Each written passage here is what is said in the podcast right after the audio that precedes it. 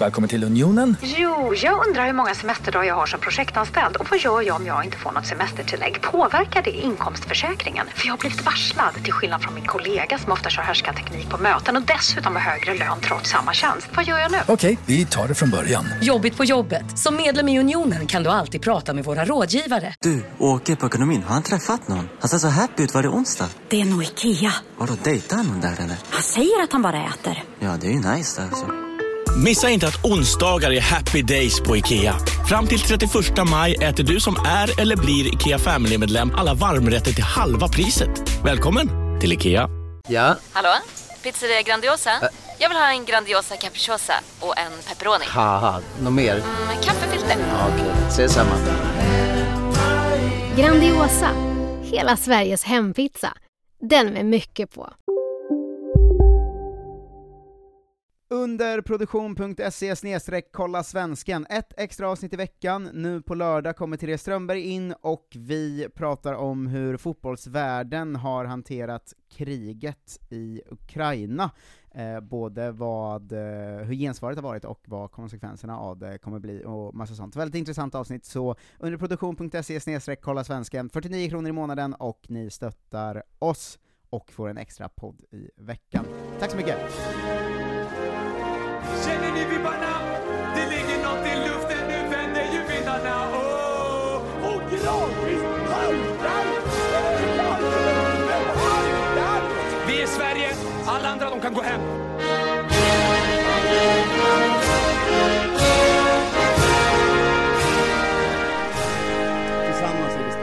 Tillsammans är vi jävligt starka! Hej och välkomna till Kolla Svensken, Sveriges fräschaste sport och fritidspodd, som alltid med mig Marcus Tapper och the Thomas Söderberg, Tumma Lasse Lagerbäck, Jonte Tengvall. Hallå! Hallå där. Eh, jag tänker att eh, alltid när man poddar nu, så är det viktigt att slänga in brasklappen, eh, vi borde såklart egentligen bara prata om krig, men jag tror inte du och jag är rätt eh, personer att göra det. Nej, man borde såklart inte bara göra det, det vore jättetråkigt om alla gjorde det. Jo men jag menar, det är den känslan man har själv, är ju så privat, här, eh, varför ska jag prata om det här, det finns viktigare saker. Men eh, det kan också vara lite, lite skönt för folk tror jag att höra, vi, vi kommer såklart behöva toucha krig i väldigt mycket av det Ja. som sägs, men att, eh, att höra folk prata om lite annat, ehm, och att då säga att eh, Vet du vad, vi, behöver, vi, vi är inte de bästa på att förklara vad som pågår. Nej, alla människor har väl sina roller, även i liksom eh, i, i krig och fred va? Vi Mm. är ju underhållare oavsett hur världsläget ser ut ändå. Jag tycker att det, är, det finns något med sådana här situationer där liksom narr-arketypen från förr, när den blir liksom aktuell igen. På med mössan med bjällror och liksom de långa skorna. Ja men exakt, folk, folk har mått skit över krig hela dagen, då Mm. vill de se någon jävel med bjällror, nu tar du på dig den även om du är ledsen, Just liksom. det. Jag ska hem och sätta på Mr Bean första säsongen. Ja men exakt, men för, för jag har pratat med många som, det är dels många som har hört av sig, för jag skrev något om att jag hade lite så här ångest, Ja. och då är det många så här poddlyssnare och sånt som har hört av sig, och eh, det är verkligen den ingången ganska många har haft, att så här kämpa på för att ni är liksom de, ni är de, ni är de som jag sätter på när jag kommer hem från jobbet och bara vill tänka på något annat. Mm. Och det är roligt att tänka sig att man nu är den liksom gråtande narren under ett, eh, ett, en pågående jävla katastrof liksom. Ja. Eh, Det, det är att höja sig själv samtidigt som att sänka sig själv på ett härligt sätt. Mm, ja, det är en roll jag gärna tar på mig, om det bidrar. Ja, exakt. Man gör, man gör det man kan va? Alltså vi tar fram våra bjällror och eh, jongleringsbollar och kör Mm. på ändå, men vi tänkte också att på lördag så kommer vi släppa ett avsnitt där vi faktiskt lite mer i övergripande helhet går igenom hur eh, fotbollen har svarat på allt som har hänt, och Ja, eh, försök i alla hur, fall. Hur allt i framtiden kan komma att påverkas av det här, och har börjat påverkas av det. Eh, och då kommer det vara du, jag och eh, vår eh, underbara vän Therese eh, Strömberg, så det kommer bli, eh, då försöker vi ta ett lite mer eh, Och hon är ändå allomfattande- journalist, hon kan saker. Exakt, men då försöker vi ta ett allomfattande grepp lite mer på hur fotbollsvärlden har reagerat på det som har hänt och sådär. Ja, det förändras ju också varje dag typ. Alltså det är svårt Mm. att hålla, hålla det här uppdaterat som ett forum liksom. Verkligen. Eh, jag tänkte att vi kanske skulle börja prata om det som är aktuellast i Kolla Svensken-sammanhang då. Mm. Eh, för det här är ju en podd där vi följer alla utlandsproffs ju, eh, och hur det går för dem. Och det är ju en jävla situation för de nio svenskarna vi har i eh, Ryssland just nu ju. Ja. Och Ehm. den i Ukraina. Och den Ja. eh, i Ukraina. Men just i Ryssland har varit ganska omtalat med idrottsmän, och bland annat har ju FIF Pro den här, eh, det är väl de som ska värna om spelarnas... Det är någon Spela facket typ. Typ, men inte riktigt va? Nej, men de, är inte, inte riktigt samma, men nästan. Eh, men de ska värna om spelarnas eh, rättigheter och situationer, och Mm. Fifa har ju uppmanat Fifa att tillåta utländska spelare i ryska ligan att bryta sina kontrakt. Bestämmer Fifa det? Eller liksom, det har inte jag Ja. heller riktigt fattat. Jag tror ändå att de gör det på något sätt. Bestämmer de över så, rysk arbetsrätt? Eller så här, Nej, men över fotbollsspelare, så de kan ju inte gå in och bryta kontrakten på McDonalds på Ryssland tror jag inte, på det nej, sättet. Men, men hur stor skillnad? Jag vet, jag fattar liksom inte hur det här är uppbyggt jur- juridiskt. Jag tror att om du är med i Fifa så har du någon slags, de har någon slags övergripande roll över all fotboll, om jag har förstått det rätt. Ja. Att om Sverige skulle, om det skulle komma fram att inga svenska lag betalar löner på två år, Ja. då tror jag att Fifa också kan gå in och säga men då är spelarna fria och drar. Ja. Ja, det är konstigt, men det, det låter ju, någon måste ju bestämma det antar jag. Ja, eh, någon, verkligen någon Ja. måste göra det. Ehm, men de vi har där nu är ju Jordan Larsson, Viktor Claesson, Axel Björnström, Pontus Almqvist, Dennis Hadzikadunic, Armin Gigovic, Filip Dagerstål, Besad Sabovic och Sead Haksabanovic. Där vanligtvis är Hadzikadunic inte aktuell för oss eftersom han bytt eh, landslag Ja. ju. Axel Eh, Björnström. Axel Björnström är där och, Ja. och harvar runt. Ehm, men eh, oklart vart de här svenskarna är nu, jag tror vissa av dem har säkert tagit sig till Sverige, men ryska ligan är ju Mm. också igång samtidigt. Ja, Ehm. det, är- det är lite märkligt eh, ändå. Eller så här, det är ju inte så konstigt kanske för dem, men det är, det mesta är konstigt. Ja, och det är en lite konstig situation för att eh, man får inte flyga heller va? Att, eh, Nej, de får inte ta sig någonstans. Nej, som jag har läst mig till nu, jag kollade upp det idag, så verkar det vara så att de svenska spelarna kan flyga till Qatar, för Qatar och Ryssland är inte förbjudet emellan. Eh, och Buddies. där, ifrån, ifrån Qatar sen ta sig vidare till Sverige. Mm. Ehm, men eh, det är ju så att det finns ändå en ganska trolig eh, framtid inom typ en dag, där Ja. de här kanske eh, väljer att göra så, att försöka lämna Ryssland. Ja. Ja, nu kom det kaffe mitt i podden. Det Wow. var trevligt. Vilken service. Stort tack till eh, dagens eh, sponsor Axel. tack så jättemycket. Um, nej men, ehm, det, det finns ju ett ganska troligt scenario där de vill dra eh, nu. Ja, Eh, jo, det kan jag tänka mig. Eh, och då öppnar ju det här lite för en slags eh, lockout-situation som vi hade med NHL en gång i tiden. Eh, om, Mm. som vi alla minns när liksom Olli Jokinen var i Södertälje och så vidare. Ehm, men för de kan ju inte gå till en annan europeisk klubb förrän i sommar eftersom transferfönstren är ju inte öppna. Nej, det är Eh, väldigt få som, som har luckor. Är det, är det Turkiet som, som fortfarande är öppet? Jag vet liksom Kina inte. öppet i mars. Men Kina Eh, spelar väl inte heller? Eller vad gör de igång igen? Eh, men eh, det skulle ju kunna öppna för en situation, har många skrivit om nu, med lån till Allsvenskan. Mm. Och bland annat redan börjat ryktas om Sead Haksabanovic, och börjat småpratas om att Jordan Larsson och Viktor Claesson har tänkt på det och sådär. Mm. Och alltså skulle de här nio komma och göra ett halvår i Allsvenskan, vilka jävla spelare det är för Allsvenskan helt plötsligt. Ja, det får man ändå, det får man ju säga verkligen. De Alla har väl ändå tydligt gått för att de var för bra för Allsvenskan. Ja, det är, det är ju inte ett steg neråt generellt att gå liksom utomlands till, till Ryssland som väl ändå är så Europas kanske sjunde bästa liga eller någonting. Ja, och Dennis Hadzikadunic och Axel Björnström har ju redan ryktats i Allsvenskan innan. Ja, Ehm, på väg liksom hem igen. på väg, och Axel Björnström ehm, har, ser man lite då och då om AIK och sådär. Mm. Eh, Pontus Almqvist, han skulle också vara en bra allsvensk spelare, men han, han är ingen gigant på det sättet. Ja, nej, Likadan- han är ung liksom.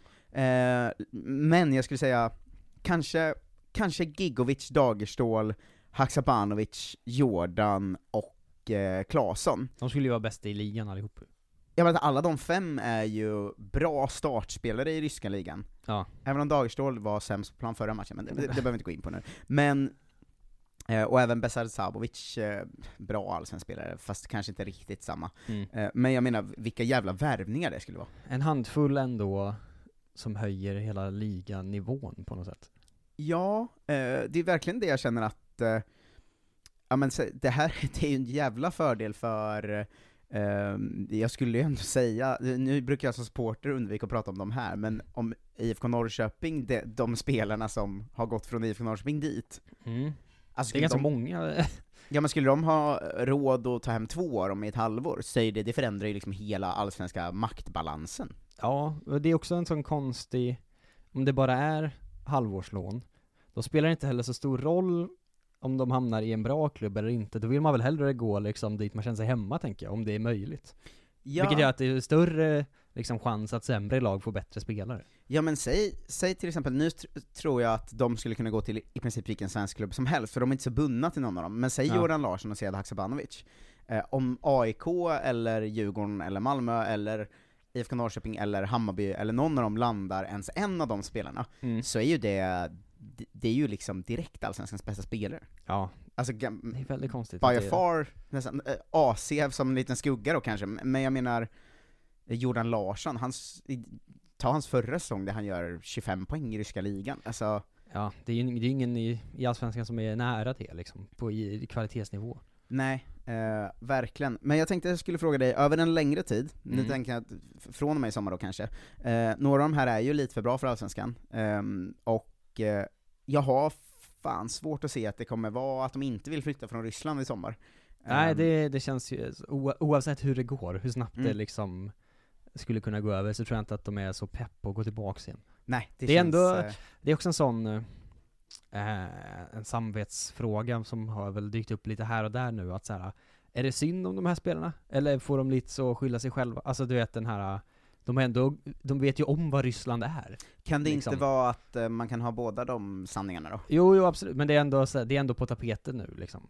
Jo, men jag menar att eh, eh, från början så går det ju till ett skurkland, och det vet alla. Ja. Ehm, Men då borde men, man också få veta, alltså man borde också veta om då att så det här skulle kunna ske. ja, men det är ju det jag tänker, hur mycket vet de här nio spelarna om Nej, det den klart. politiska situationen? Hur mycket vet de om hur nära förestående ett krig är? Jag tror det är jävligt svårt att skilja på. Sen kan man alltid säga att så här, spelare borde ju ta större ansvar för att veta sånt. Ja. Men jag vet fan, alltså nu när de sitter där och det har blivit ett krig, det, för mig är eh, är jag 100% på att tycka synd om spelarna sidan där alltså. Ja, jag vet inte, det, det känns eh, alltid dubbelt eh, på något sätt. Eh, men det är väl en, en, en, en större fråga kanske, än vad, än vad du var på väg att ställa. Ja, den, den stora frågan där är ju... Eh, Jag tänker ändå att de borde veta om så här. det finns en anledning till att folk skulle reagera lite om jag gick hit. Jo, jo, men den stora frågan är ju, eh, ska vi ta tag i och utbilda våra spelare och eh, sätta en spärr på hur mycket agenter kan tjäna på övergångar så att de inte väljer alltid att sälja till de här länderna och så vidare. Mm. Eh, men den frågan, eh, den, kommer, den finns alltid där på något sätt. Det gör den. Ehm, och den frågan, sätt den åt sidan, så tror jag fortfarande att så här. det är jävligt jobbigt just nu för Axel Björnström, liksom. Ja, det är det nog på en personlig nivå. Och jag tycker väldigt synd om de som sitter, jag, jag tänker att de är också i ett land där väldigt mycket av det runt om dem är liksom rysk propaganda Ja, de fattar ju inte vad som händer alltså, riktigt heller. Nej. jag. Inte, du kollar dem kanske inte så mycket på rysk TV ändå, Nej, att de är jag- svenska fotbollsspelare, men Jag ja. pratade lite snabbt med en av dem eh, häromdagen, och bara frågade hur är det? Typ, alltså, Mm. är det okej? typ. Att det var så här, det är svårt att veta vad som händer, men det är okej hos oss just nu, även om allt är väldigt oroligt. Så här, jag tror inte de riktigt vet vad som, alltså det är klart de vet vad som pågår för de har ju Twitter, Ja. men, men på plats där är det nog en jävligt märklig de har ju också situation alltså. arbetsgivare med, med daglig kontakt och sånt som, som är Mm. väldigt oklart vad de, hur de ställer sig till sådana här saker liksom. Eh, och fans och allt vad det är. Ja, Eh, så att, eh, nej, så det är ju märkligt. Men eh, förutsatt att de går någonstans i sommar, vilket jag tror då, Mm. då tänkte jag eh, att du ska få svara lite på vart du, helst hade sett dem spela. Ja. Eh, då kan vi börja med de landslagsaktuella, tänker jag. Ja. Ehm, och framförallt Jordan Larsson, som jag också har ryktats till andra ligor förut. Va, vart skulle du vilja se han ta steget? Ehm, det känns svårt att säga nu, för han var ju så himla bra förra säsongen, Mm. och han var så himla dålig den här säsongen. Han har ju haft en enorm säsäsongssvacka. Ja, den här Ehm, frågan ställts för ett år sedan så hade det varit så, men han ska väl till typ så Aston Villa eller någonting. Alltså du vet, spotta in mål Han i en bra liga. på riktigt, alltså genuina rykten till Dortmund ett tag. Alltså det, Ja. det, det var inte länge sedan. Men han skulle väl absolut kunna spela i antingen ett sånt halvbra lag i en stor liga, Mm. eller vara typ så bäst i någon lite sämre liga, men jag vet ju inte vilka, det känns som att det är svårt att placera den halvbra ligan någonstans, för det är ju Ryssland typ. Men Alltså, sätter du honom Portugal, som eller vad är en, som- ehm, liksom, potentiell skytteligavinnare i Holland till exempel? Vad säger du om det? Ja, absolut, men jag vet inte om det är för långt bakåt i liksom Mm. utvecklingsmässigt att gå dit. Men Han skulle visst, också kunna gå till en spansk tolfte bästa klubben, liksom. Det är han skulle inte... också kunna spela i typ Nice, eller något så här, ett, Ja. ett ganska bra lag i Frankrike till exempel, som är lite lägre nivå ändå. Mm. Eh, det tror jag ändå hade funkat bra liksom. Ehm, Viktor Claesson har väl något utlandsdel till i sig innan han ska hem? Han är ju bara 31-32 va? Mm, ja, vad är han, 92, 91 eller någonting. Men, eh, ja det var ju också att han missade det tåget lite grann ju, när han var Mm. skadad och sånt. Han skulle ju liksom till Everton eller vad det var han snackade om Ja. så mycket. Varit ganska bra igen nu dock, ska man säga.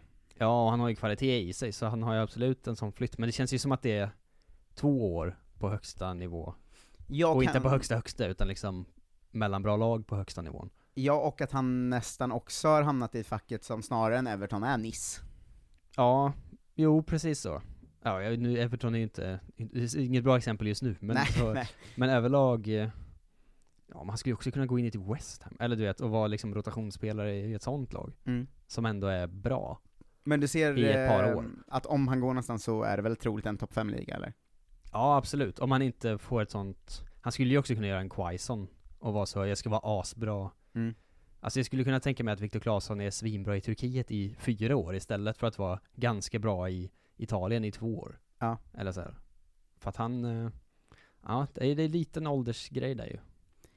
Men eh, det, jag hade inte varit emot att han liksom var hur bra som helst i en lite, liga med lite lägre nivå istället. Fan, om man har varit i Ryssland så här nu, Mm.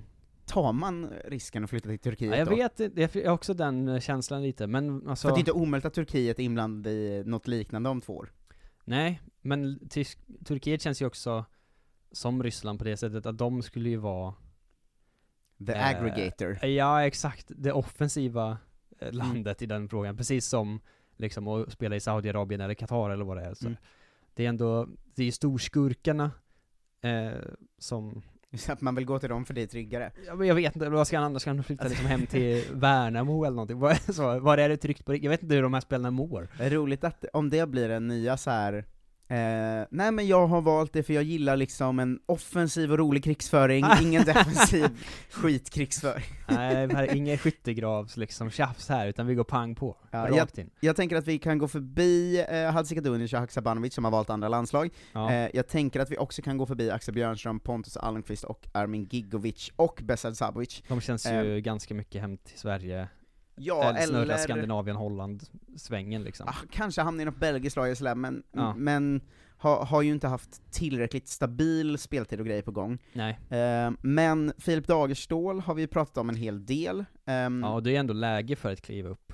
Ja, i den, han är, nu den här säsongen har det gått väldigt dåligt för laget, Mm. eh, okej för honom, förra säsongen bra för honom, bra för laget, eh, har ju spelat i en defensiv mittfältarroll, i en sån lite mer spelförstörande roll som vi saknar ganska mycket i landslaget också. Ja.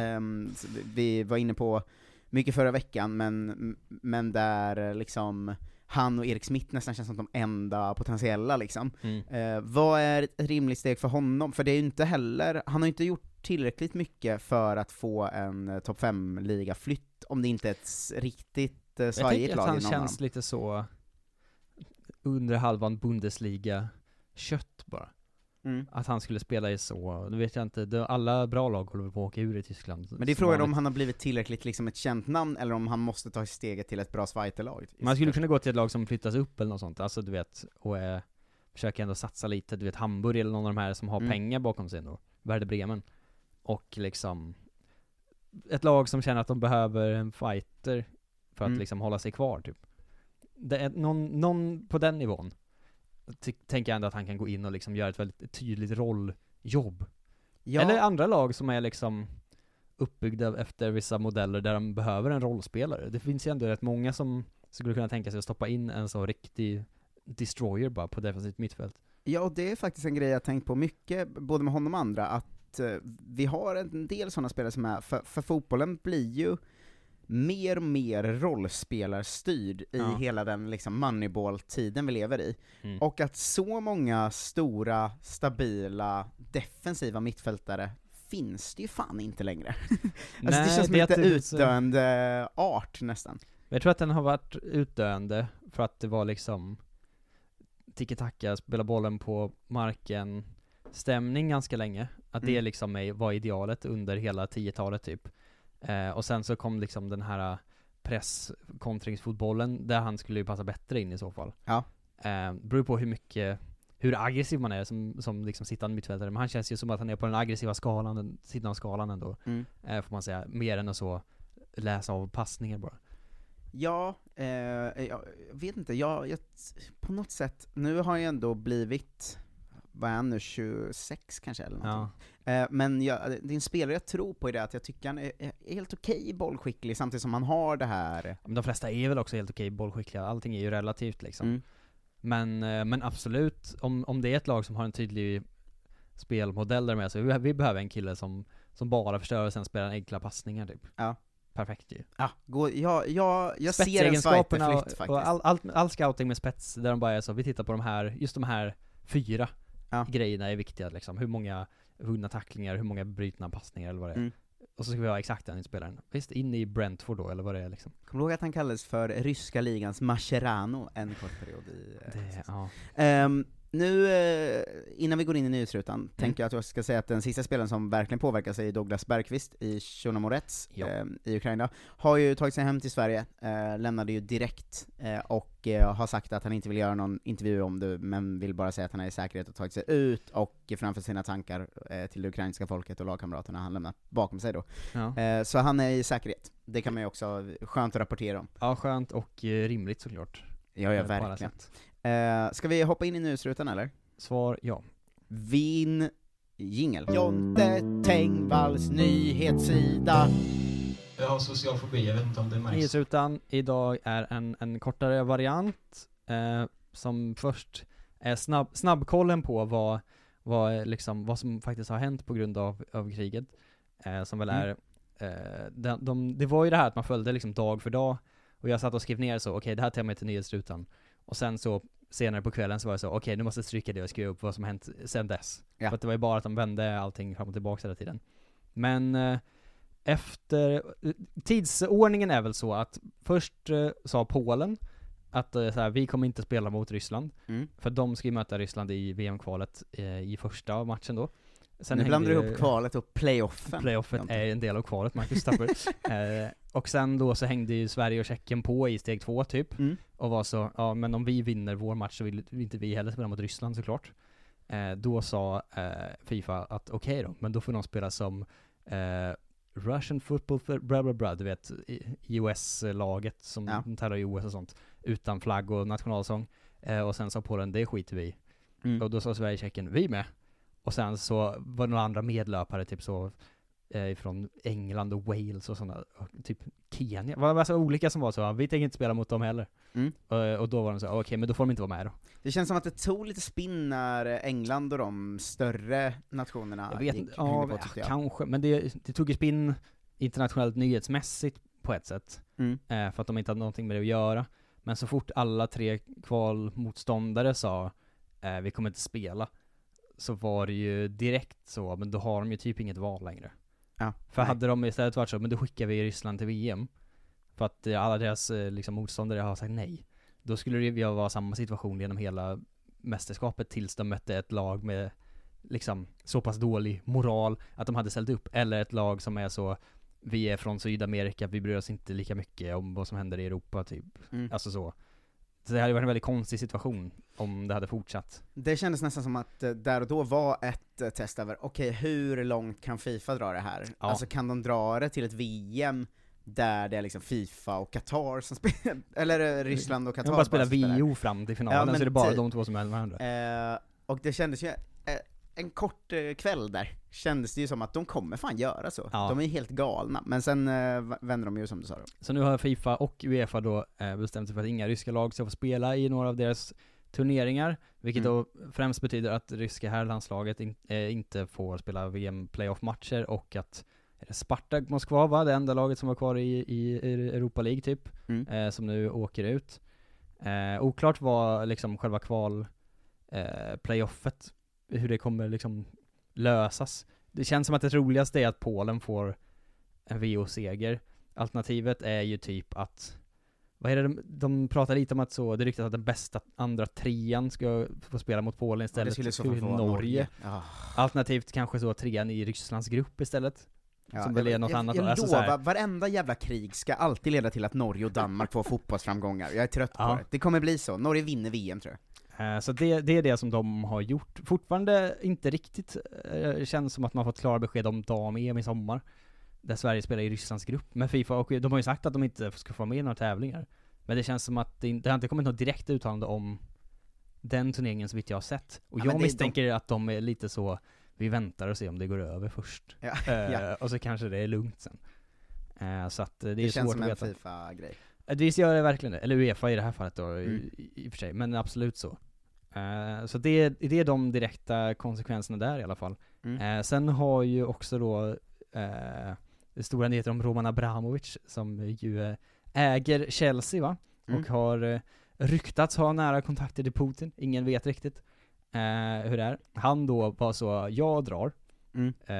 ni, ni i det här Chelsea Trust Fund eller vad det heter, nu Mm. får ni styra klubben. Så kan jag komma Eh, tillbaka när allt är lugnt och skönt sen. Ja, för han är så, om jag är kvar i Storbritannien nu och de sätter in sanktioner, då kommer de ta alla mina grejer. Så jag tror jag åker iväg. Ja. Eh, men han äger fortfarande klubben till 100% liksom, och det är inga Mm. sådana eh, det verkar lite oklart hur, hur det ska styras framöver, men det får ju de Han har ju lösa, öppnat liksom. lite för att ställa den för första gången någonsin, Ja, men precis. Sig inte kräva dagen- 40 miljarder för den. Ja, och istället så ska han nu liksom leda fredsförhandlingarna mellan Ryssland och Ukraina Mm. i typ Belarus. Det är väldigt, eh, väldigt luddigt alltihop. Jag såg eh, den usla vinkeln som eh, ett gäng Premier League-supportrar hade, Ja. som var att så här. Eh, det är bara ta bort alla Chelseas titlar från de här åren för att visa bla bla bla. Och man sa, okej så fort Ja. de gör det, då måste man bli Olof Lund som säger men hallå, de andra ägarna då? Ja, men också inte ens bara det, utan så du kan ju inte retroaktivt stänga av, eller ta bort priser, för att det händer grejer i ett land sen. Nej. Tänk om liksom, tänk om det skulle bli krig i Storbritannien om 50 år. Ska Mm. alla lags troféer då bara tas bort? Ja, Eller vad är, ja, men för så fort man tar det steget säger man ju att han har gjort något oförlåtligt här, bla bla bla. ja. Och då, då blir det ju direkt att man måste säga stopp, stopp, stopp, stopp, stopp. Stopp. Eh, men, eh, ja, det är ju, eh, jag vet inte vad man ska säga om det, det är väl klart han gör så, som han gjort. Eller liksom, Ja, jag vet inte heller. Det, det verkar lite oklart på om han liksom faktiskt försöker bry sig om att lösa någonting, eller om han bara drar med sina grejer typ. ja, jag tycker lite synd om Tuchel, för det är det enda han får frågor om han, han fick ju liksom, eh, att, han tröttnade ju på en presskonferens eh, här Ja. efter, eh, efter ligacupfinalen och var så 'Sluta ställ frågor, jag kan ingenting! Ja. Snälla så, jag vet inte hur mycket han känner Putin, jag vill bara, jag är här för att typ träna fotboll' och det fattar man ju också. Eh, samtidigt som han vet, eh, samma där att såhär, ja men du vet ju ändå om ägarsituationen. Eh, Ja, sen och- behöver han ju kanske inte stå till svars för ett krig. Nej nej, och, men att frågorna ställs från början är ju bra, hur ser ni på det här? Ja. Liksom. Eh, men när det till slut har kommit till den nivån som är att eh, Tuchel liksom på något sätt ska hur är egentligen Abramovic och Putins relation och varför gick Ryssland in i Ukraina? Ah, Då blir ja. det ju lite svårt för Tuchel ändå känner jag. Ja, nej, det, det är lite väl att lägga det på honom kan jag tycka också. Uh, no, det är det som är liksom direkt aktuellt i fotbollsvärlden just nu till följd av det här. Mm. Eh, förutom då att fotbollen har en väldigt stor makt och eh, alla liksom pro-ukrainska demonstrationer når fram till spelare och sånt, Rys- ryssar som kollar på fotboll, alla de där bitarna. Eh, men det kanske vi tar mer om på, på lördag också. Ja men på lördag ska vi gå igenom hela den konkarongen är ju tanken, eller så Ja. mycket vi hinner med, eh, som är hur fotbollsklubbar och ultras och eh, ja, hela fotbollsvärlden egentligen har slutit upp bakom Ukraina, Ja. nästan hela fotbollsvärlden. Jag ska försöka ta fram några, några gamla historiska eh, motsvarigheter också, Mm. tänker jag, och, och titta på. Men, eh, nyheter på eh, hemmafronten, blivande eh, nyheter i alla fall. Mm. John Guidetti verkar ju vara eh, i princip klar för AIK. Mm. Eh, det enda som inte är klart är om han ska komma i sommar när kontraktet går ut, eller om AIK har liksom råd att lösa ut honom redan nu, verkar det som. Ja, det, det är mycket snack nu om att det blir igen till eh, april ju. Ja, Ehm, då måste de liksom köpa det vi ut. vet är att han är klar till då eller i sommar, för när Ja. Disco har skrivit att något är klart, då är det klart. Det är liksom klart, men han är inte presenterad eller så här på något sätt, utan det är Klart, men det här leder ju till eh, fotbollsspråkpolisen tar fram pekpinnen och säger ajabaja. Mm. Det är inte i närheten av en hemvändare. Just det, nej. Sluta upp med det. Och skriv det överallt. Om man skriver John Guidetti vänder hem till Allsvenskan? Nej. Det, jag tycker inte det räcker heller. Han har spelat en halv säsong i Allsvenskan. Ja. Det kan, på lån, det kan inte ens, det kan inte ens räcka. Hem till Sverige? Okej då. Mm. Hem till Allsvenskan? Nej. Eh, Hem till AIK tror jag inte ens någon har försökt med. Eh, och det är också, det vore ju också helt bisarrt. Men han kvalificerar sig ju absolut inte som en hemvändare såklart. Han har ju ingen allsvensk klubb, ens. Mer än att han var, han spelade i Brommapojkarna tills han var 13 eller någonting. Ja, och sen var där på lån. Och sen var där på lån en halv säsong, eh, och gjorde mål typ. Eh, hans, hans hem är ju liksom Manchester City i fotboll.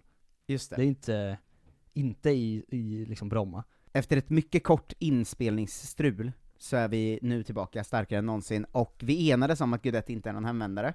Eh, Mm. Kom fram till att han kanske är det om han går till Brommapojkarna. Eh, men, jag vill säga det att jag har typ aldrig varit så uh, taggad på en hemvändare.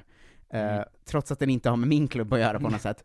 För att jag vet inte om John Guidetti kommer vara allsvenskans överlägset bästa spelare, eller om han kommer floppa totalt. Nej, det känns så himla eh, upp och ner, eh, höll jag på att säga. Alltså man, man har verkligen ingen aning. Det skulle kunna vara både och verkligen. Ja, men för den höjden och den lägsta nivån jag kan se framför mig, jag har aldrig sett den bredden i mitt huvud på något sätt. Nej. Att jag tror inte, alltså för mig är det inte orealistiskt att han skulle gå hit och vara nästan ett mål per match, alltså ösa in, vara här i fem år och bli en sån supersuccé liksom, som kanske till och med så, du vet, tar ut AIK i Europa, eh, Ja. League eller whatever. Men i mitt huvud kan det också vara så att han är här två säsonger, gör liksom tre mål per säsong, och att det sen är såhär, jaha, det, det blev en sån. Det var det. Vad ska han göra sen? Flytta till Qatar eller någonting? ja men typ. Ja. Men håller du med om den potentiella liksom, bredden i John Guidettis, eh, vad det kan bli? Ja, oh ja. Eh, och jag är också väldigt spänd på att se vad det ska bli av. Det känns som att det kommer vara något av en startsträcka eftersom han knappt spelat på tre år eller någonting. Mm. Men eh, han har ju verkligen en sån Rosenbergsk potential i att de är lite, de, har, de är lite samma situation eh, som när han flyttade till Sverige igen. Ja, att det- alltså, han var jättebra för fem år sedan. Ja, det är Eh, lätt att glömma tycker jag, eftersom Rosenberg kom hem och det blev en sån supersuccé, och det är ju egentligen, alltså han är ju på något sätt eh, förknippad med hela liksom Malmös storhetsperiod nu. Ja, ja, men han var ju Ehm, kass i tre år i Europa innan dess typ. Ja, han ju, var ju fullkomligt värdelös i West Brom och bänkad innan han kom till Malmö liksom. Eh, men i efterhand är det ju lätt att så här, se att ja, han är allsvenskans bästa liksom, hemvändare någonsin, och så här, Mm. Det är han ju. Men man ska inte glömma att han var kass innan han kom hem. Och det är det jag Nej, menar med exakt. Guidetti, han har ju varit värdelös nu, men alltså den nivåskillnaden det är på start från allsvenskan och de andra ligorna, och också att så här, Guidetti har det ju i sig, och har haft det i sig i alla fall. Eh, Ja. Att jag, jag kan ju också se att han kommer hem och blir en Rosenberg verkligen. Ja, jag har ju lite eh, farhågor för hans personliga motivation till att vara bra på fotboll. eh, för att jag, någonting i mig säger mig att det finns liksom en risk att han bara kommer hem och har det gött och är en skön kille i, i Stockholm nu och hänger med kul människor och sånt. Det finns ju på något sätt två scenarion där, Ja. där ett är det, att han kommer hem och i sitt huvud bara, jag ska visa att jag är så jävla skön, Ja. och att han står och rappar, och att han... Eh, Men han ska ta bilder med så one curse och sånt, du vet den typen av grejer liksom. ja, och kanske så här verkligen vara superinvolverad med fansen, men inte så bra på plan, Ja. liksom. Men sen finns ju faktiskt det andra scenariot där han kommer hem, som jag tror är ganska eh, troligt, att han kommer hem med motivation som fan för att han vill visa att han är så jävla bra. För att Mm. jag tror ju att i John Guidettis huvud så är han fortfarande liksom, jag borde varit en världsstjärna, liksom. Ja. Eh, att jag, jag tror att hans självbild är att han är hur bra som helst, liksom. Och att då, om han kommer hem med den motivationen som är, jag ska fan visa svenskarna att jag är mycket bättre än de tror, liksom. Ja. Så, så jag ser båda de scenarierna framför mig. Jag är ju inte helt säker på att han fortfarande tror det om sig själv. Det, det känns ändå som att självförtroendet kan åka på en rätt rejäl snyting om man inte har spelat ordentligt på tre år. Mm. Men eh, det, ja, det, Det är blir att jag- spännande att se. Det kan vara att jag ser John som mer megaloman än du gör. Jag tänker att han är liksom lite mer jordad i att så här, ja men jag är väl lite av en pajas då. Det är väl det, det är min grej, liksom. Ja, det var kanske, fotboll när jag var 16. Nu är det att vara kul. Eh, kanske, kanske, kanske. Eh, den vägen har vi alla vandrat va? Eh, Så att säga. Eh, verkligen. Ehm, Så det är om John Guidetti. det är verkligen det om John Guidetti. Eh, snabb uppföljning från förra veckan. Mm. Eh, när jag försökte lyfta diskussionen om svenska spelare som är kändast för endast en och endast en grej. Mm. Eh, slängde ut det i Facebookgruppen, fick väldigt många dåliga svar tillbaks. Ja. Eh, första, eh, jag ska inte hänga ut folk, men första svaret var Antonio Hysén. Eh, direkt kände jag, han är väl känd för tre grejer minst. Eh, Let's Dance, första öppet homosexuella fotbollsspelaren, och Glenn Hyséns son. Ja, och att han då har bytt namn till Antonio Hysén för att slippa förknippas med Glenn Hysén. Ja, fyra grejer då. Hysteriskt roligt ju. Mm. Eh, han är verkligen minst känd för en sak av alla svenska fotbollsspelare tror jag. Han är den fotbollsspelaren som har mest strängar på sin lyra. Ja, ja nej verkligen. Och sen så kom det också liksom en bild bara, eh, ska vi se om du, om du plockar. Ja, Vasquez. Vasquez, som jag inte ens kom på vad han hette. Ja, Eh, men det är för att du inte följer Allsvenskan tillräckligt mycket. Nej, och sen efter det så kom jag på, men han heter ju någonting latinskt, är han svensk fotbollsspelare? Jag vet inte. Mm. Men jag minns ju det här såklart, och att det är liksom så himla tydligt en grej bara. Rabonan, Ja. då, för de som inte såg bilden framför sig. Ja men precis. Eh, och det, det är ändå ett bra svar. Eh, sen står det bara Berisha, eh, vilket jag direkt kände så, eh, berätta för mig Mm. vad det var. Eh, U17 eh, EM, VM, vann skytteligan. Känner att det räcker inte för mig. I och för sig är han bara förknippad med det, men i och med att han knappt har en annan karriär som går att tala om, så är han ju nästan diskvalificerad. Har också lite Vaskes eh, varning att så, jag har liksom glömt vad han heter. Så, då är man ändå inte tillräckligt känd för Nej. att liksom kvalificera tycker jag. Alltså jag minns han ju, och Ja. att vilket jävla snack det var runt honom därefter också. Mm. Men ah, han har lite för lite annan karriär för att få kvala in tycker jag. Jag tycker också, eh, man kan ju vara ung och ha en grej, men jag tycker ändå att man ska ha liksom någon slags karriär på gång. Ja. Eh, John Guidetti var ett, ett dåligt svar också såklart. Mm. Ehm, eh, sen så kom det lite mer grejer. Håkan Söderstjärna, kanonsvar. Ja, det det, det gjorde mig glad bra. direkt. Eh, Sixten Molin för sitt mellannamn. Känns, eh, känns mer internt än vad det gör allmängilt. Ja, det är mer ett Kolla Svensken, eh, en Kolla Svensken-klassiker, att han heter Sixten Joakim Molin då. Hej, Synoptik här. Visste du att solens UV-strålar kan vara skadliga och åldra dina ögon i förtid? Kom in till oss så hjälper vi dig att hitta rätt solglasögon som skyddar dina ögon. Välkommen till Synoptik. Det stor vårfest på K-bygg med massor av varor till kanonpriser. Eller vad sägs om Bäckers Elite Träolja för bara 229 kronor? Ytterdörr Modern för bara 5 995 eller 25% rabatt på förvaring och skjutdörrar från Elfa. K-bygg. Bygghandeln med stort K. På Sveriges största jackpot-kasino går hypermiljonen på högvarv. Från Malmö i söder till Kiruna i norr har hypermiljonen genererat över 130 miljoner exklusivt till våra spelare. Välkommen in till Sveriges största jackpot-kasino, hyper.com. 18 plus, regler och villkor gäller. Ja, eh, vilket gör oss alla glada varje gång. Ja. Men jag tror inte att det kommer vara hans legacy sen efter karriären. Nej. Eh, Marcus Rodén för VM-platsen. Det tycker jag ändå har någonting. Ja, lite, men att, kanske... Det är synd att han knappt spelade liksom. Det kvalar inte riktigt in här, men däremot kvalar det in till tidernas svåraste quizfråga. Ja, ja verkligen. Alltså om man ska göra en sån, säg hela truppen från VM 18, så kommer ju han vara den som 99% av alla svenskar missar varje gång. Ja, det ser man ju fram emot faktiskt. Eh, Jonas Tern för det röda mot Brasilien 94. Eh, direkt känner jag, han är ju bara en arg gubbe nu.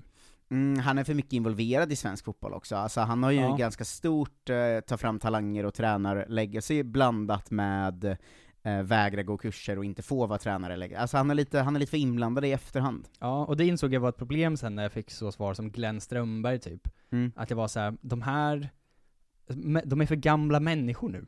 Ja, och men, eh, fortfarande håller på. De har liksom andra grejer på gång nu. Glenn Strömberg fastnar med allt sitt snus i tullen i Ryssland. Alltså du vet. Ja, det är väl att de fortfarande håller på, för hade de försvunnit efter karriären hade de ju varit aktuella, men nu har man ju så mycket annan relation till Glenn Strömberg, Glenn Hysén och alla andra. Ja.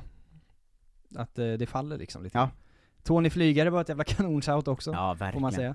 Eh, Pascal Simpson var det någon som svarade, jag har ingen aning om vad det betyder ens i det här sammanhanget. Ja, Vad är han känd för? Nej, jag vet inte. Ingen aning. Eh, så uppenbarligen duger det inte. Nej. Eh, ändå. Kevin Walker var också ett bra svar tycker jag. Ja, Idol. Ja, det är Vinsten. verkligen den... Eh, Håkan Mild har ju straffmissen, ingen aning om eh, liksom, ifall det duger. Nej, men det var kanske mitt, eh, ett svar på mitt att han sprang ut beep-testet. Ja, jo kanske är så. Petter Hansson tycker jag inte heller räcker, det är liksom snubbelmålet mot Grekland. Han har ju också en dunderfrispark från liksom 35 meter eller vad det är och sådana grejer. Ja, och att han var på något sätt den man tyckte var den roligaste i landslaget. Att Han han såg så himla en vilsen persona ut. hela ja. tiden, över. Alltså målet var ju mer ett symptom på honom som spelare, Ja. än liksom en grej han gjorde. Kommer för alltid vara ett av de roligaste exemplen liksom, att nämna Petter Hansson tror jag. Ja, en bra referensskämt ju, Ja. eh, oavsett vad. Eh, Carl Corneliusson, också bra namn såklart i det här sammanhanget. Mm. Eh, Kalle Gurka. Eh, och sen så är det inte så många mer tror jag. Magnus Erlgmark kunde spela på alla positioner, känner jag också. Ja, det är li lite aktuellt tycker jag, för att det, han var man fortfarande nämner det.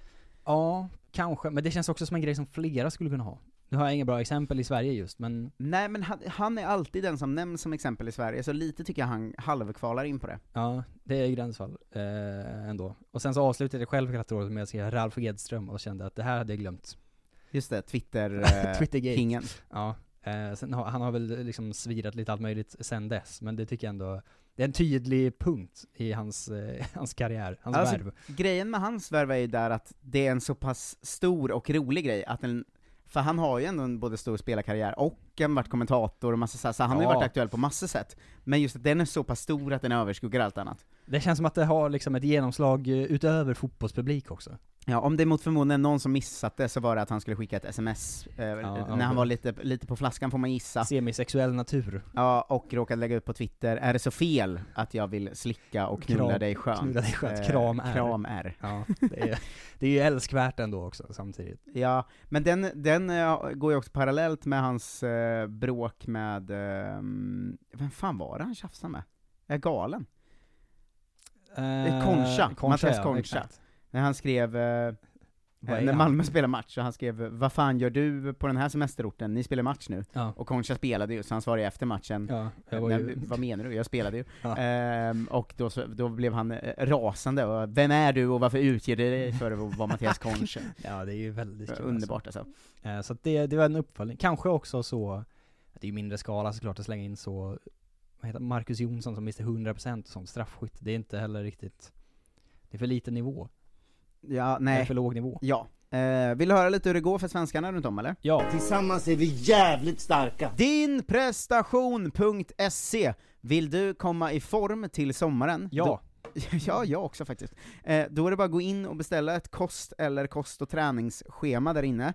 Eh, man får 20% rabatt om man skriver 'Kolla svensken 20' i sin ansökan, och eh, både jag och Jonte går ju på varsitt 12 veckors program nu, vi är eh, snart halvvägs in, eh, vi är mer Ja, än halvvägs mer in. halvvägs. Mer än halvvägs in. Och det går fan kanon för mig i alla fall. Man har Ja, liksom skönt. lagt om hela sin kostlivsstil på något sätt. Jag var ute och sprang igår för första gången sedan jag hade covid. Det var Fan vad fint. Gud vad mysigt. Ja. Eh, men för mig har det verkligen varit det här att eh, man anpassar sig till det, man är inte hungrig, man äter god mat, men man blir i bättre form av det. Mår bra tror jag det kallas. Ja, eh, man mår bra.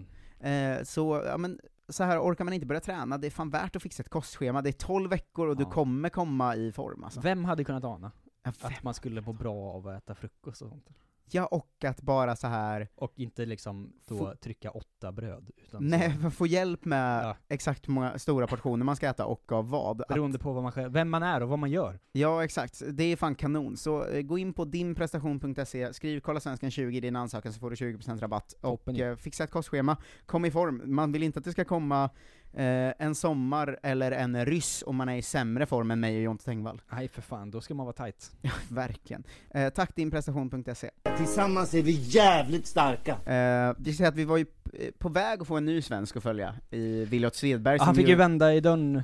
var klar för Lokomotiv Moskva, sägs Ja, det ju. och sen så Eh, var de så, fast eh, vi, ja, vi bryter den här förhandlingen. Ja, det blev nog krig nu va? Ja. Ehm, så han får vi vänta till i sommar kanske då. Mm. Ehm, efter det tänkte jag att jag skulle fortsätta min eh, nya vana trogen och försöka börja med lite av det positiva och sen sippra neråt. Ja.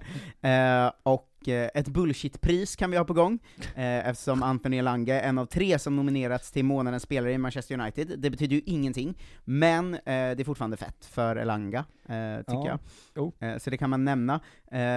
Problematiskt för svenska landslaget, en Elanga svans här nu, om, om vi inte spelar några kvalmatcher. Mm. Och därför inte kan ta ut honom till en riktig landskamp. Och Just att, eh, liksom, England och Kamerun blir ännu mer sugna. Ja, jag, alltså vi kommer vinna över Kamerun. Ja det kommer vi ju nog. Ja, i och för sig, jag tänker att de, som alla länder, Mm. eh, så har vi ju alltid nackdelen att alla andra länder är bättre på att så smyga till en extra klocka eller något sånt. Ja men du vet ju också att när vi skickar Jan Andersson så skickar de Samuel Eto'o istället och Ja, pratar med. Alltså exakt. de bryr ju på. Ja, verkligen. Så Men, ah, det blir, det blir någon playoff-match blir det ju. Ja, ja det jag tror också att det Ehm, det, det, det, det premiärmål, eh, Gabriel Gudmundsson ju, som gjorde sitt första mål för Just. Lille och dessutom avgjorde då när de vann mot Lyon med 1-0. Det är fan, Stort. Det är stort ändå. Ja. Eh, det tycker jag man ska ta. Viktor Gyökeres, tolfte målet för säsongen, när Mhm. Coventry vann mot Bristol med 2-1. Eh, Jesper Karlsson gjorde två straffmål när AZ vann mot Feyenoord med 2-1 i en eh, eh, toppstriden då i Eredivisie. Ja. Ehm, och han, han är ju här varenda vecka på något sätt känns det som. Ja, han prenumererar på Ehm, positiva nyheter. Precis efter vi spelade in förra gången gjorde ju Elanga sitt första Champions League-mål, tror jag. Ehm, Just det. För jag tror att vi Eh. precis missade det. Ehm, de spelar ju oavgjort mot Atletico Madrid då, men eh, första Champions League-målet är ju, det är ändå en stor grej. Mm. Eh, ju. Kulusevski fortsatte City-succén då med att göra ett av målen när Tottenham vann mot fruktansvärt dåliga Leeds Ja med det får man 4-0. ändå säga. Men han var också väldigt bra. Ja, Leeds som ju satte rekord där ju. Att Ja. med det första målet, eller första laget genom tiden, och släppa in 20 mål under en månads 30 spel. mål. Vad sa du? 30 mål va? Nej, 20. 20 mål? 30 Ja. mål går inte. 30 går inte. Eh, 20 mål under en månads spel bara. Det är ju det är speciellt att de gjorde det på den kortaste månaden på året, tycker jag. Ja det, det, är, är, det tillför någonting. det, är, det är det som godkänner den statistiken, för uppföljning från förra veckan. Verkligen. Eh, Isak Lidberg, assist, när Go Ahead Eagles eh, vann mot Ajax med 2-1. Det är ändå också en jävla oväntad eh, grej. Ja. Eh, och eh, assist också från eh, annars just nu ganska formsvaga Alexander Isak, vilket ju känns skönt. Ja, det får Ehm, man ge honom. eh, Real Sociedad vann ju mot Osasuna med 1-0. De har ju också varit lite upp och ner som lag på sistone, så det Mm. känns ändå eh, viktigt att han fick, fick vara involverad när de faktiskt tog en seger där. Japp. Ehm, sen börjar vi sippra neråt, eh, vi kommer avsluta på positiva toner igen sen. Eh, men Kristoffer Olsson, bänkad för tredje matchen i rad i Anderlecht, ehm, fick eh, hoppa in igen, sex minuter kvar mot Luven, 0-0 blev det. Eh, de ligger fyra Anderlecht, skit i det nu. Eh, Kristoffer Olsson alltså är ju en bänkspelare numera. För jävligt Ja. alltså. Det känns som att, eh, han känns inte som att han kommer ta tillbaka den startplatsen snart. Nej, eh, och det, det är verkligen dåligt för Han landslaget. hade ju det förtroende alltså. länge liksom. Ja, jag, jag, jag tror inte att han eh, spel, startar i landslaget inom ett och ett halvt år alltså. Jag tror att eh, Nej gud nej. det börjar verkligen sippra ut för honom nu. Jag tycker ändå du tog en, en, en lång tidsperiod, du tog höjd för det. Ja, men jag tog höjd för Jannes eh, vilja att spela samma spelare, men ja, så är eh, det. numera bänkad i ett ganska halvrackigt klubblag. Mm. Ehm, varit dålig i klubblag i ett och ett halvt år, varit dålig i landslaget i ett och ett halvt år. Det, det börjar, eh, klockorna börjar ringa nu. Ja. Ehm, I Belgien kan vi också säga att Kerim Rabti startade när uh, Mechelen spelade 2-2 mot Cerkel Brygge. Oh. Eh, de ligger sexa eh, just nu, Eh, och inga poäng från honom tyvärr, vilket ju är fruktansvärt. Uh, debut! Eh, tävlingsdebut för Ferad Ayas i Borak Banja Luka i Bosnien. Wow. Um, hoppa in sista halvtimmen, vann med 3-0 borta mot Siroki Brijeg. Eh, de ligger trea i Premier Liga där. Ehm, stort. Eh, Botten Plovdiv eh, har inte eh, spelat eh, något med eh, Jack Lane, men han är där nu. Eh, avslöjades ju under podden förra gången. Ryktas också att Kevin Hög Jansson är nära en flytt till sydkoreanska Gangwon FC. Koreaspåret. Ko- så Koreaspåret, eh, Synd, starkt. ja. Synd att Plovdiv inte blir en, en svensk klubb då längre. Eh, gissa om Aris Limassol vann på Cypern? Nej. Nej, de tappade poäng igen. 1-1 mot Pafos, ligger numera femma och blickar Ja. neråt i tabellen. Går åt helvete för, för Frans Brorsson med guldet där. Um, eh, dan, danskjävlarna är igång va? Eh, 3-1 förlust, 7-2 totalt för Randers mot Leicester i Europa Conference League. Mm. Eh, Patrik Karlgren stod, Simon Tibbling eh, spelade en kvart, Mattias Andersson fick hoppa in sista halvtimmen, och Hugo Andersson var bänkad. Eh, de har också mött Nordsjälland i eh, ligan, spelat 0-0. Eh, där eh, Patrik Karlgren blev man of the match i eh, Randers i alla fall, enligt eh, Tipsbladet. Då, Ja, han var väldigt eh, bra i, i Europamötena också. Ja, det, det var han. Sägs det i alla fall. Eh, Tibbling spelade även han mot eh, Nordsjälland, där eh, Andersson-bröderna, som inte är bröder, var bänkade. Um, Viborg mötte Köpenhamn, och eh, då har vi Carl Johan Jonsson sitter på bänken, Johan Guandanjo som är eh, på läktaren, och Roni Bargi som fick starta och spelade 72 minuter. Eh, de leder i tabellen va? Tre poäng före Mittjylland. Mm. Eh, I Mittjylland gjorde Joel Andersson ett mål i straffläggningen när de åkte ur eh, Conference League mot PAOK. Tråkigt att se såklart. Eh, Sen blev det 2-2 mot Odense i ligan, även då spelar han ju såklart ju. Joel Andersson är ju en av få konstanter vi har ändå. Ja, faktiskt. Ehm, annars har det varit, ja, det varit speltid för Jakob Rinno, Erik Karl och en del andra, men inte, inte hänt så mycket i, eh, i Danmark ju. Eh, man kan säga Marocki Ndion i Viborg eh, får inte spela för att han inte sägs vara citat fysiskt redo, slutcitat, och Robert Gojani tog ett rött för Silkeborg. eh, det var de sista eh, sakerna som hände. Victor Nilsson Lindelöf spelar 66 minuter som högerback och tog på sig ett gult ju mot Atletico. sådär. och sen fick han eh, spela på sin vanliga plats mot eh, Watford när det blev eh, 0-0. Eh, Elanga spelade även han 90 minuter mot, eh, mot Watford. Eh, ju. Eh, Emil Kraft spelade 90 eh, när Newcastle vann mot Brentford med 2-0 borta. Eh, Newcastle har ju, har ju tagit sig bort upp till 14 plats ju, vunnit fyra av de senaste fem, Ja. kommer ju klara sig kvar, och den bärande pelaren i det stora nya saudiska projektet är ju Emil Kraft på högerbacken. Ja, det får man, får man säga verkligen. Han prydde ju skyskraporna där nere och sånt. Man får säga det, men det är inte sant. Nej. Pontus Jansson spelade även han hela den matchen då. De har inte vunnit på två månader nu ju, tre poäng ner till de var väldigt dåliga. Säkert. Det går ju fruktansvärt för dem. Ken Sema fick hoppa in mot United, ehm, g- gjorde som, som vanligt eh, inget väsen av sig. Robin Olsen var bänkad för Aston Villa, eh, och ehm, ja, det är där, det är där vi landar eh, i, i England till slut. Kulusevski Eh, spelade 105 minuter igår när Tottenham åkte ur FA-cupen, kan jag meddela också. Just det, mot eh, Borra. Ja, det var svagt. Eh, det blev utbytt svagt. i, i paus av förlängningen. Ja, ehm, det, åk inte ut mot Middlesbrough. Nej, Eh, för guds skull. eh, jag tycker att vi kan eh, snabbt bara säga att Niklas Eliasson spelar ibland för NIM, men det händer ingenting riktigt där. Han fick hoppa in nu sist. Mm. De ligger nia, så det blir en, en intetsägande säsong, och Jens Kajuste är just nu skadad i Ja. Heims, inte heller bra inför playoffet. Jo, han är en av få vi har som faktiskt kan hoppa in och sånt. Och göra grejer. Ja, exakt. Isak Kiese startade i 2-2 match mot Al-Wada eh, för sitt Banias i Presidents Cup. De förlorade med sammanlagt eh, eh, 6-3 då, eh, blev 2-2 i den här matchen. Men han gjorde ett av målen när de sen vann med 2-0 eh, i ligan mot Al-Dafra, och Banias parkerar på nionde plats eh, just nu. Eh, Daniel Sundgren tillbaka efter sjukdom, och ja, Aris vann ju direkt eh, två matcher i rad, va? höll nollan båda. 3-0 mot Atromitos och 2-0 mot Asteras Tripolis, och han gjorde en assist i första matchen, tog gult i båda. Var stabil, Sundgren. Verkligen. Ja, Janne! som- ja, verkligen Janne, men eh, vi, vi skämtade lite om eh, att han var uttagen för första gången fast han var gammal och sånt. Ja. Men han gör det faktiskt jävligt bra i Grekland också, så vi ska, eh, vi ska, ändå, vi ska ändå påminna om det eftersom vi skojat lite om honom. Ja, man gillar ju late bloomers också va? Ja, Han jag vår, älskar eh, late bloomers. Luca Toni. Svensklaget Panetolikos eh, mötte Volos, spelade 0-0. Eh, Johan Mårtensson spelade hela matchen, Jonathan Morsa gick av skadad tyvärr då i 33 minuten, och eh, eh, Jakob Unne Larsson spelade även han hela matchen. Så ett svensklag där tre svenskar startar ändå, eh, det, är inte, det är inte varje dag. Mm. Jo. August Erlingmark startade i 3-0-förlusten mot just Aris då, för Atromitos, och sen fick han hoppa in och spela 10 minuter mot Apollon Smirnis när de vann med 2-0. Eh, de ligger tredje sist, så det är ju en kamp för eh, eh Agge Elle eh, och eh, de andra ju.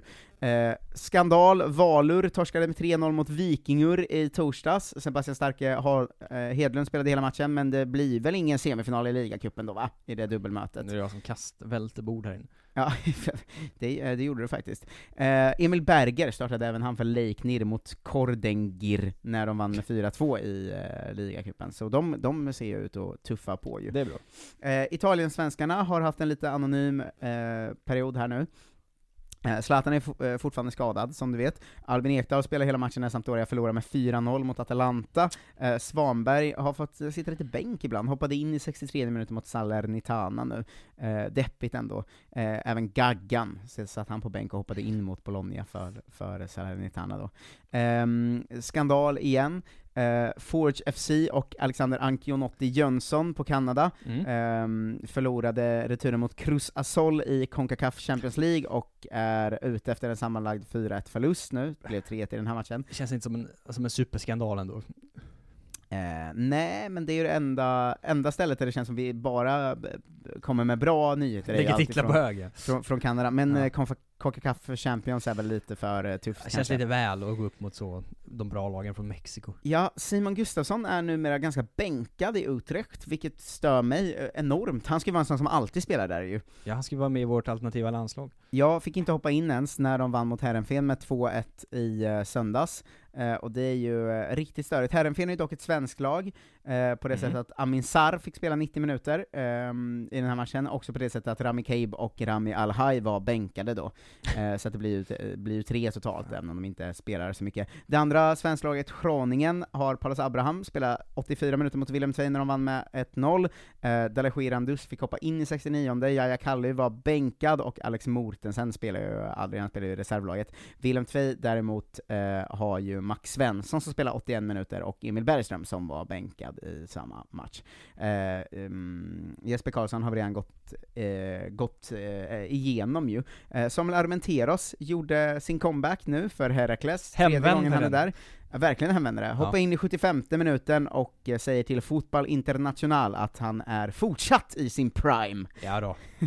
Fina Sampa. Primen som, som är en prime ja. Eh, Emil Hansson hoppade också in i, i den här vinsten, men gjorde inget eh, speciellt eh, väsen av sig överhuvudtaget. Eh, Tesvalde Tekke har blivit lite bänkad i Fortuna Sittard, där Ryan Johansson ju är utanför truppen, och Patrik Wålemark fick hoppa in i 82 minuten för Feyenoord mot AZ. Eh, lite deppigt i, i Holland just nu. Eh, Mikael Ishak ehm, eh, kom till spel va, mot Pogon Szczesnin efter att ha varit lite halvskadad. Eh, två nya mål i 3-0-vinsten, eh, och eh, han toppar skytteligan på 13 mål och poängligan på 17 poäng i extra klassa. Janne! Jan-Olof? Ja, det, är- han måste ju, han måste ju ändå vara nära nu. Fan, öser ju in alltså. Ja. Hur många anfallsplatser har vi? 20 om vi vill. Ja. Ja, Eh. Jesper Karlström eh, spelar varenda match för Lech Poznan, defensiv eh, in mitt ju, eh, gjorde 90 minuter i 3-0 vinst borta mot eh, Pogon eh, just här, eh, och i en intervju på Lechs hemsida uppmärksammar de att han spelat 971 minuter i rad utan att dra på sig ett enda gult som defensiv mittfältare. Eh, vid nästa varning blir han avstängd också. Ehm, han säger själv att han balanserar på gränsen, det är en fråga om erfarenhet. För att vara helt ärlig tror jag två, tre gula kort som jag fått kunde ha undvikits också. Ibland är det så. Du vet att du har råd att ta ett kort, du går över gränsen, även om det bara är dumt. Men när du vet att du inte har råd, då kontrollerar du ditt spel. Gud. Det, är en sån, ibland är, annars är det bara en liten lorttal. Ja, ja verkligen. Fan. Du kan ta ett gult. Men är du nära avstängning, då tar du inget gult, för då är du ingen människa, utan bara en liten lort. Så Eh, himla stämningsfullt. ja. Josef Ceesay var sjuk förra veckan och missade Lechia Dansk match mot Radomiak, och Henrik Kastegren fick eh, inte debutera då, men är ju där nu. Eh, eh, vidare har vi Mattias Johansson som var avstängd för Legia Warszawa mot Wisla Krakow. Eh, Legia vann dock med 2-1, eh, supervinst va, eh, det är ju bottenstrid mellan de två. Mm. Eh, på andra sidan hade vi Josef Colley som spelade 90 minuter, och Sebastian Ring som blev pappa, och därför missade matchen.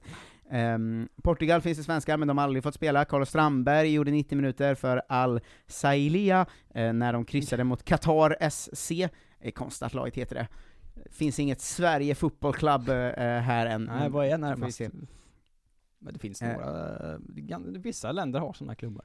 Ja, ja, jag vet, men det är konstigt. Ja, det är det.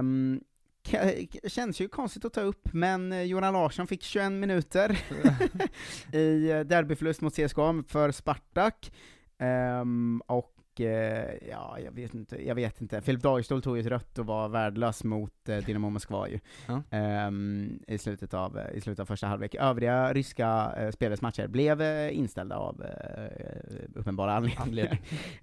um, Quaison fortfarande inte eh, tillbaka eh, för skada. Han har varit borta sedan nyår på grund av att han brutit en tå. Är man borta så länge? Ja, jag vet, det är väl att man inte kan göra någonting åt en tå va? Jag vet inte, han ska vara tillbaka i träning i alla fall nu. Ja. Eh, Filip Helander var utanför matchtrupp mot Dortmund i Europa League, och mot Motherwell i ligan, vet inte om det är någon slags skada eller någonting, och, och svårt att få fram. Eh, Melker Hallberg gjorde 90 minuter i 3-1 förlust mot Ross County för sitt St. Johnstone, eh, och inför matchen gick Callum Davidson, tränaren där, ut och hyllade svensken. Eh, jag trodde inte att jag skulle få Melker. Fram till den sista minuten såg det ut som att han skulle gå till Sverige. Han var på väg att avsluta hos Hibs och såg ut att vända hem, men vi lyckades övertala honom väldigt sent, och det går att se hur viktig han är. Vi visste vad vi fick, och jag har alltid beundrat honom. Så det är jättekul att ha honom här och äntligen se honom prestera för oss nu. Wow, kär, en Underbart. kärlekshistoria. Ja, verkligen. Karl Starfelt gjorde 90 minuter i 2-0 förlust mot Bodø Glimt ju, eh, och eh, 90 minuter i kryss mot eh, Hibs eh, borta, eh, och de eh, leder fortfarande eh, med tre poäng dock, för att Rangers tappade ju poäng förra veckan. Ehm, Max Watson, 90 minuter för Maribor i 2-0-vinst mot Tabor Zezana. Eh, de eh, leder ju ligan, går mot guld där. Eh, stor, stort, stort, stort. Eh, Ludvig Augustinsson, bänkad mot Dinamo Zagreb, och eh, fick sen 9 minuter mot Betis, eh, där de ju vann Sevilla, viktig jävla vinst där uppe. Eh, Ja. Andra plats eh, fortfarande, 6 poäng upp till eh, Real Madrid. Eh, jagas ju nu av Barca som är bäst i världen igen också. Ja, men Ehm, Sevilla går ju som tåget också. Så Mm. Eh, yeah, you, United eh, Mm. har vi ju Jonathan Ring i, eh, han gjorde 62 minuter mot Gangwon FC hemma, eh, 0-0, eh, en poäng efter två spelade omgångar, så det, de har lång tid på sig att vända det där va. Ehm, Thailand fick William Weidersjö göra sitt andra inhopp för Port FC i 46 minuten. De förlorar med 2-0 mot Samut Prakan City. Eh, Antonio Sanjairag var utanför truppen i Chonburi och Niran Hansson även så i Buriram. Eh, Ayam Oso ångar på i eh, Slavia Prag ju, eh, 90 minuter i 3-2 vinst mot Fenerbahce hemma i, i Conference League, och 90 minuter i 5-1 vinst mot Radek Kralove eh, borta i högsta ligan, och de leder ju ligan, och han är en av deras bästa spelare, och de kommer ta guld. Janne! eh, vi hoppar över turkarna och eh, går till tyskarna. Eh, Emil Forsberg gjorde 25 minuter och ett mål ju, när de vann med 3-1 mot Sociedad i Europa League. Och 81 minuter i vinst mot Bochum borta i Bundesliga. Vad gör Emil Forsberg när han spelar? Twitter-intervju. Twitter-intervjun. Jag kom till Leipzig för sju år sedan, och nu spelar vi i Champions League och i Europa League. Vi har stått för en fantastisk utveckling. Och? Det är ju att ni åkte ur Champions League, Emil. Ja, jag har inte fattat hur det funkar. Nej. Tror han att de är med båda samtidigt? Men han borde ju gå eh, och kvala för ett sånt lägre ligalag, för då kan det vara så, vet du vad? Champions League, Europa League och Europa Conference League på Otroligt. samma säsong. Vi måste vara bäst i världen. Ja. Det är ett otroligt eh, konstigt sätt att se på det av Ja, Emil. eh, Sebastian Andersson är numera ganska bänkad, hoppar in lite ibland. Eh, Joakim Nilsson gör som alltid 90 minuter eh, för Armina Bielefeld, nu förlorar de med 3-0 mot Leverkusen, ligger på 14 plats. Eh, eh, Hergota målas igen, eh, kokar, eh, hade ju fyra mål på tre matcher innan det ju, eh, men kryss mot Köln och eh, The Groit eh, Escape är fortfarande on. Eh, Andreas Linde stod såklart i mål i, i den matchen ju. Jo då, han gick rätt in.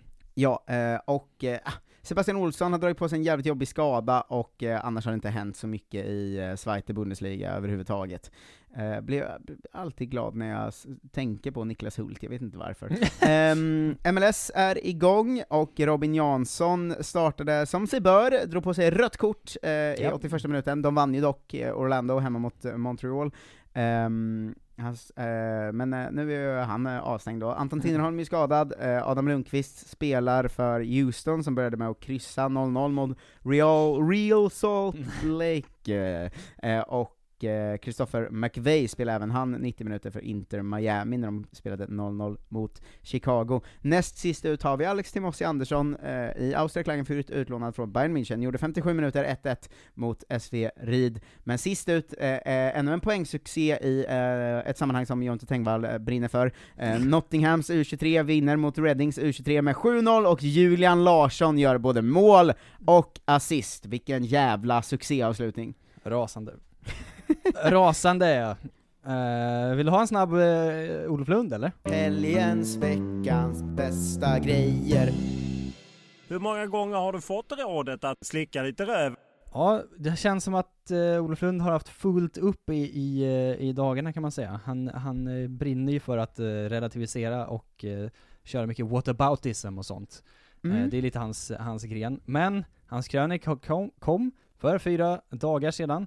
Eh, ska se om det står ett datum på till och med, det stod bara fyra dagar sedan. Men då måste det ju vara med Publicerad kriget. 25 februari. Men då måste det vara med kriget påverkar Europa. Eh, krönikan lyder som följer. För den kommer fredagen, kriget drar igång natten mellan onsdag och torsdag. Den 25 stod det, var det i fredags eller? Nej, det är ju ons- det är f- nej. Nej just det, det är bara 28 dagar i ja, februari. det är fredags. Mm. Eh, krönikan heter Även politiker måste ta ansvar för Qatar, komma, Löv. Just det, då var det ju att Annie Lööf hade sagt att eh, landslaget inte ska åka till Qatar. Ja. Och Olof Lunds ganska rimliga vinkel var, ska inte Ja. ni sluta handla med Qatar i så fall? Ja. Vilket jag tyckte eh, var faktiskt det rimligaste någon har sagt. Ja, jag tycker att han har så himla rätt i det. Också för att så, du satt ju i regering när ni började liksom köpa grejer och sånt och hålla på. Eh, Så att, eh, ja, han har många bra poänger i den, som eh, han ofta har i och för sig. Eh, Men vi gillar att skoja om honom ändå. Faktarutan är det viktiga, Marcus. Ja, och den går vi ju igenom nästan varje vecka för Mm. att vi ska få en koll på vad som händer i den stora globala fotbollsvärlden, Mm. och så försöker jag lista ut vad Olof Lund har tyckt varit viktigt sen sist. Ja, vi får se hur färgad eh, den är av, av världsläget. Eh, Men vi börjar ju som alltid högst upp med veckans, helgens måste. Han måste ju ha med, följa utvecklingen i, i Ukraina eller någonting. Ja. Tyvärr att följa tragedin som pågår i Ukraina. Ja. Det är det enda måstet han har. Mm. Veckans, helgens avstå. Eh, konstigt formulerad, men kul. det är en grej. Ryssland, punkt. Leeds Tottenham, men vet att det inte blir så. Han vill avstå den, men Ja, han så kommer han kommer ju kolla på den. Ja. Eh, tydligen. Eh, det vill, eh, spännande att läsa nästa vecka vad han har för take på Bielsa och sånt, som fick ju kicken efter matchen. Mm. Eh, det kommer säkert dyka upp då. Veckans läsarbrev. Direkt, pang på. Eh, de läsarbreven är ju, de är inte så pass dagsaktuella, så de kommer inte handla om Ryssland, tänker jag. Eh, men vad, har- du någon slags ämnes... Tip, Eh, ja, det tips och tricks? Eh, eh, han som skriver här har sagt att han delar med sig av en, lite av en etisk reflektion.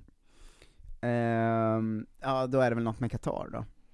Eh, det är lite både och. Hej Olof! Jag är mycket sällan någon som gör en handling som detta, men jag vill i detta fall dela med mig lite av en etisk reflektion. jag har inte gjort fullständig research eller tänkt ut allting kring följande, men ändå är det en diskussion som jag tycker saknas. Borde inte svensk media, inom parentes någon, eller några av er i alla fall, föra en debatt kring etiken i att vara utlandsproffs i ett icke-demokratiskt land? Eh, alltså, jag köper fullt ut att spelare inte ska politiseras, men samtidigt, kritar man på för en monsterlön i Saudi eller Ryssland, punkt, punkt, punkt, borde man inte då i alla fall, eh, punkt, förväntas kunna svara offentligt på hur man själv resonerat? Mm. Det här Är var ju inte- vi inne på tidigt i, i Ja. veckans avsnitt va? Det, det var vi verkligen. Jag är inte ute efter att hänga ut någon, men nog tycker jag att det finns en gråzon gällande spelare och deras politiska immunitet. Hur lirar detta med SVFFs och svensk värdegrund? Har spelarna reflekterat över det själva? Säger inte fullt ut att det är rakt av fel. Jag vet inte. Men rätt är det fan i mig inte. Eh, kolon D, alltså en sån jätteglad smiley. Oj. Eh, slänger in mitt i. Raljerande, jag vet. Men Sara Leander sjöng ju faktiskt bara. Ja. Vänligen Nils. Bra Nisse! Det var det betyder, men absolut. Hon där det sjöng eller någonting, ja, säkert. Eh, starkt av Nisse. Mm. Eh, sen har han en lång punkt som heter veckans följder av den ryska invasionen. Det är ungefär det vi har gått igenom redan idag. Ja, Plus fast då- mer inaktuellt då gissar jag. Ja, och eh, Schalke och Gazprom och det där. Ja. Det är också ett gäng eh, tränare i, för, för ryska lag som har avgått. Eh, ett par stycken i alla fall, kan vi slänga in här. Eh, veckans läsning. Veckans läsning Mm. är eh, en grej från New York Times, en grej från The Guardian, The Athletics text, eh, där de eh, de skriver ju om någon, de skriver någon, om någon svensk hockeyspelare eller någonting. I The. Athletic. Ja. Eh, noll rätt. Ja. Johanna Frändén var mitt i prick kring vilka frågor man kan ställa och om makthavare och andra bjuder in till det privata. Vet att den är från förra veckan, men fick inte med den senast. Ja, han, han har verkligen, det är ett ständigt återkommande tema att Olof Lund har väldigt svårt att fatta hur veckans funkar. Ja. Fast det är, det är hela hans koncept, men han har ändå inte själv förstått hur veckor fungerar. Nej, det tycker jag är härligt också. Jag hoppar Kommer du ihåg när veckans grej var Irakkriget förra året? Ja, flera veckor i rad. Det är så himla roligt. Eh, dokumentärer och allt det där. Jag hoppar över några fler liksom ryska grejer bara Mm. för att. Jag kan säga Veckans, dock att det eh, var en tränare, tränare som lämnade Krasnodar utan ens ha hunnit leda dem i en träningsmatch nu. Det är ju starkt. Ja, det var starkt. Faktiskt. Eh, veckans fascinerande intervju. Ehm, vem har blivit intervjuad på ett fascinerande sätt? Ja, sist? han, han namnger både intervjuare och intervjuoffer. Här, offer. Eh, Objekt. Jag vet inte. Värvet med Janne Andersson kanske? Fast den, ja, den var i och för sig fem månader sedan. Ja, men det är ir- irrelevant. Det är ändå veckans. Eh, Sportbladets Frida Faglund intervjuade Kosovare Aslani, Oh. som gick hårt åt medier och förklarade varför spelare inte ska tala med medier. Mm. Eh, självklart gör Real Madrid-spelaren som hon vill. Men om man vill få sporten att växa är det fortfarande medierna som är en väg ut till supportrarna. Extra ironiskt att Aslani som klagat på bristen på uppmärksamhet nu gärna signalerar hur ointresserad hon är att själv bjuda till. Tycker jag att eh, Aslani kan skärpa sig lite. Ja, verkligen. Varför ska spelare inte prata med media för? Ja, det är en konstig... Nu har jag inte läst den, så jag vet inte vad Aslanis take på det är. Nej, inte jag heller, men Men eh, hon har tydligen gått ut och förklarat varför man inte ska göra det. Så. Ja. Eh, who knows? Veckans seger, eller? Veckans seger, eller? Caroline Seger har gift sig och de vet inte vilket efternamn de ska ta. Jag önskar att det var det. Eh, tyvärr är det inte så. USAs damlandslag eh, stämde landets fotbollsförbund på internationella kvinnodagen 2019 eh, och nu får man närmare en kvarts miljard i kompensation eh, fast det visar sig att det finns ett förbehåll att man måste komma överens om hur man hanterar olika prispengar från Fifa till herrar och damer. Hope Solo är inte nöjd och går efter förbundet på egen hand. Mm. Eh, de har väl eh, förlikat det där på något sätt så att damerna ska få lika mycket pengar som herrarna va? För Ja. landskamper och sånt. Det kom väl typ igår, förrgår? Uh, ja, Att precis. de faktiskt kom fram till så det. det kommer ju efter det här liksom. Ja. Eh, som väl vissa olika länder har gjort. Man känner så, ja, det är väl bra. Men visst, det, är- det är ju inte det viktigaste i världen att olika miljonärer får lika mycket betalt för grejer. Det kan inte vara, det kan inte vara liksom eh, feminismens lagord. Men det, är, men det är en annan rant jag har. Ja, det är alltid Eh, din take. Ja, jag är Olof Lund på det sättet. Mm. Veckans låt. Veckans låt är... ändå tema, tematisk får man säga. War, huh, what is it good for? Ja, Absolutely nothing! Det är nästan, det är nästan samma. Det är då... Feed the world! Jag vet inte vad den här låten, vad det är för låt. Men det We are the world! jag kan, De här låtarna vet jag om Marcus. Jaha. Det var och något högre förtroende för min, min eh, populärkulturella referenser. Rolling Stones med Mm. låten Gimme Shelter. Ja. Ja, starkt ändå. Ja, det var bra. Eh, veckans medaljör 2. Vilka- va? Den första var, eh, eh, alltså, vad heter han då? Infantinos vänskapsmedalj då med Putin. Veckans medaljör två var väl att Nils van der Poel gav bort sin OS-medalj till eh, fängslad författare va? Ja. Ja. Eh, Det var ju lätt sin, att lista ut. Sin ena guldmedalj från OS också, det till eh, Gui Minhais dotter, Angela Gui. Mm. Vackert, punkt. Ja men det var ju fint av Nils tycker jag också. Veckans Leeds United. Eh, allt går till helvete och Bielsa får sparken snart. Här hade jag tänkt skriva om framgångar, men icke. Varför hade du tänkt det? De har ju inga Så framgångar. jag lämnar tomt och ber till högre makter och Marcelo Bielsa. Ja. Det är ju konstigt. Veckans poddintervju. Eh, det vet jag faktiskt inte. Det kanske är med... Det är den eh, reklamslotten vi unnar honom efter att ha hånat honom i kvart varje vecka. Verkligen. Det kanske är med eh, någon en, som eh, jobbar i AIK då säkert. Nej, men eh, Hammarbys VD däremot. Det var ju nära. Rickard von Yxkull, det minst eh, bajen namn jag någonsin har hört tror jag. kan man inte heta Rickard von Yxkull? Eh, som pratar om eh, ja, hur det var, var Bajen såklart. Mm. Eh, det är ju inte så jävla spännande. Det är om det! Det är verkligen det om det. Ehm, och där ska vi väl stänga veckans avsnitt av Kolla Svensken också, Ja. Eh, för er eh, freeloaders va? Eh, för er som vill ha mer Kolla Svensken så kommer det ett extra avsnitt varje lördag som är lite mer satsigt och ofta lite längre, och premium-content helt enkelt. Ja, det- och det kommer på underproduktion, ja verkligen, underproduktion.se snedstreck kolla svensken. Man ger 49 kronor i månaden, då får man alltså ett extra kanonavsnitt i veckan för det. Mm. Eh, och det är det bästa sättet att stötta mig och Jonte i våran journalistiska kamp. Nu Eh, när vi behövs mer än någonsin. Verkligen. Eh, vi måste ha råd med narrhattar och sånt. Ja, nya outfits. Ja, hörni, ta hand om er, och Verkligen. så hörs vi om en vecka här i gratisfeeden igen. Mm. Ha det bäst, hej! Hej då! Ni är med om det största. Och det största är den minsta. Ni minns de första ögonblicken. Och den där blicken gör er starkare. Så starka att ni är ömtåliga. Men hittar trygghet i Sveriges populäraste barnförsäkring. Trygg Hansa. Trygghet för livet. Välkommen till Momang, ett nytt smidigare kasino från Svenska Spel, Sport och Casino, där du enkelt kan spela hur lite du vill. Idag har vi en stjärna från spelet Starburst här, som ska berätta hur smidigt det är. Jaha, så smidigt alltså. Momang, för dig över 18 år. Stödlinjen.se. Upptäck det vackra ljudet av McCrispy Company för endast 89 kronor. En riktigt krispig upplevelse. För ett ännu godare McDonalds.